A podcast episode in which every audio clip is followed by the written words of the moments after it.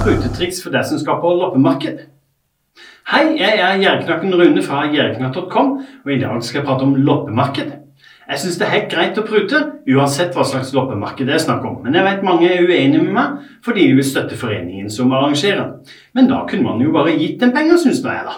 Loppemarked og pruting hører liksom sammen, minst like mye som loppemarked og kjøp av vaffel eller en kaffekopp. De fleste av oss som liker loppemarked, gjør det av to grunner. For det første er vi på utkikk etter skatter, og for det andre leter vi etter de billige røverkjøpene. Det hele baserer seg på selve prisen på varen, og på loppemarkedet er det allment akseptert å prute. Den som selger loppene, oppgir en prisforestilling, mens du som potensiell, potensiell kjøper gir et mottilbud. Enten blir kjøper og selger enige, eller så går du som kjøper videre og leter etter andre ting til mer akseptabel pris. Men det er jo tross alt sånn at selgeren i de fleste tilfeller ønsker å bli kvitt varene, og dermed har kjøper gode kort på hånda. Kjøper du noe til fullpris, altså til opprinnelig oppgitt pris, på et loppemarked, har du definitivt ikke gjort jobben din som kjøper på riktig måte. Det bør ikke være noe problem å redusere oppgitt pris med 20-50 ved å prute. I Norge arrangeres de fleste loppemarked av lag og foreninger som gjør sitt beste for å samle inn penger til å få hjula til å gå rundt. Men selv om det er snakk om prisverdig dugnadsarbeid, er det ikke noe i veien for å prute på prisene. Du kan jo heller bruke de innsparte pengene til å kjøpe flere ting, hvis det viktigste for deg er å støtte foreningen. Men benytter du deg av loppemarked fordi du sjøl har lite penger i lommeboka, skal du heller ikke være redd for å benytte pruting.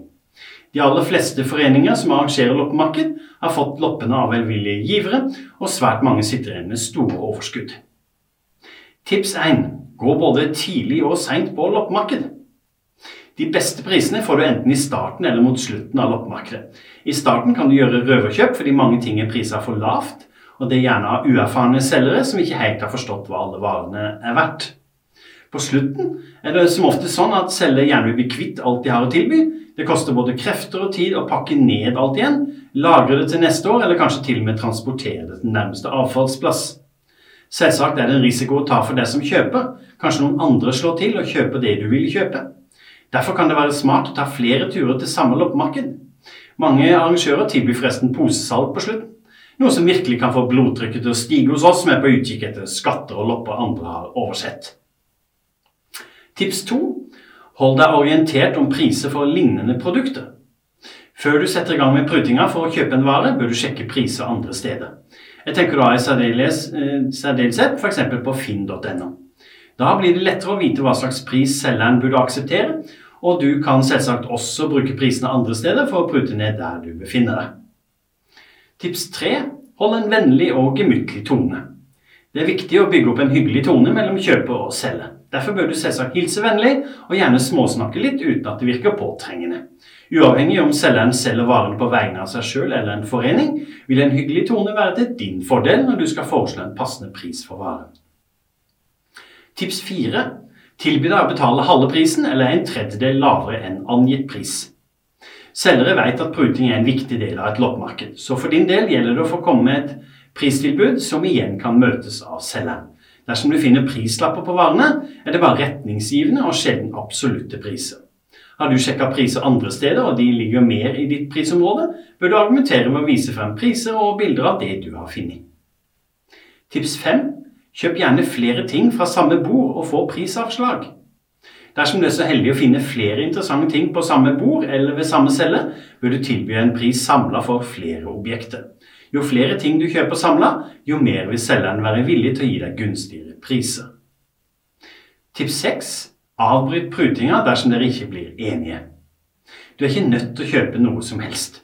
Dersom prisen ikke er sånn du ønsker at den skal være, kan du ganske enkelt avbryte kjøpsprosessen og komme med en vennlig kommentar 'gå'. Gjør det dog langsomt og på en sånn måte at selgeren får med seg at din terskel er nådd, sånn, så kan du i mange tilfeller oppdage at selgeren gir etter eller tilbyr en siste mulighet. Tips 7. Kontant er alfa og omega. Ingen forventer vel å kunne betale med bankkort på et loppemarked, men stadig flere tilbyr nok VIPS. Likevel er det smart å ha kontanter i lommeboka. Da kan du også bruke trikset med 'noe mer penger har du ikke'. Hvis selger skryter av VIPS og sånn, er det bare å fortelle at du ikke har noen sånn app. Poenget er å lokke selgeren til å innse begrensningen av lommeboka di. Tips 8. Ikke vis for stor begeistring. Prinsippet om å være tilbakeholden med følelsene gjelder selvsagt i alle prutesituasjoner. Du vil jo ikke signalisere til selgeren at du er beredt til å betale mer enn du faktisk ønsker. Det gjelder altså å bevare pokerfjeset og late som om du ikke er veldig interessert i varen. Tips 9. Ikke aksepter selgers siste tilbud. Hvis selgeren forteller deg at den, den prisen er aller siste tilbud, bør du ikke nødvendigvis bite på. Selgeren forsøker naturlig nok å gi inntrykk av at du skal kjøpe varen til den prisen, men fortsatt er det nok slingringsmonn nedover. Husk at det fortsatt er mulig for deg å ta grep og forlate bordet. Tips 10. Ta med deg en venn. Det kan jo være at du møter en skikkelig profesjonell selger som det ikke er så lett å prute med. Da er det topp å ha med seg en venn som kan utøve litt trøkk fra sidelinja. Det kan være så enkelt som at dere har blitt enige om en pris på forhånd, og vennen forteller deg når du bør stoppe. Dermed blir det vanskeligere for selgeren å lure for mye ut av deg. Takk for meg. Dersom du likte dette innlegget, håper du har lyst til å ta en titt på nettsida mi, jerknatt.com, og ellers følg meg på sosiale medier som YouTube, Facebook, Snapchat og Instagram.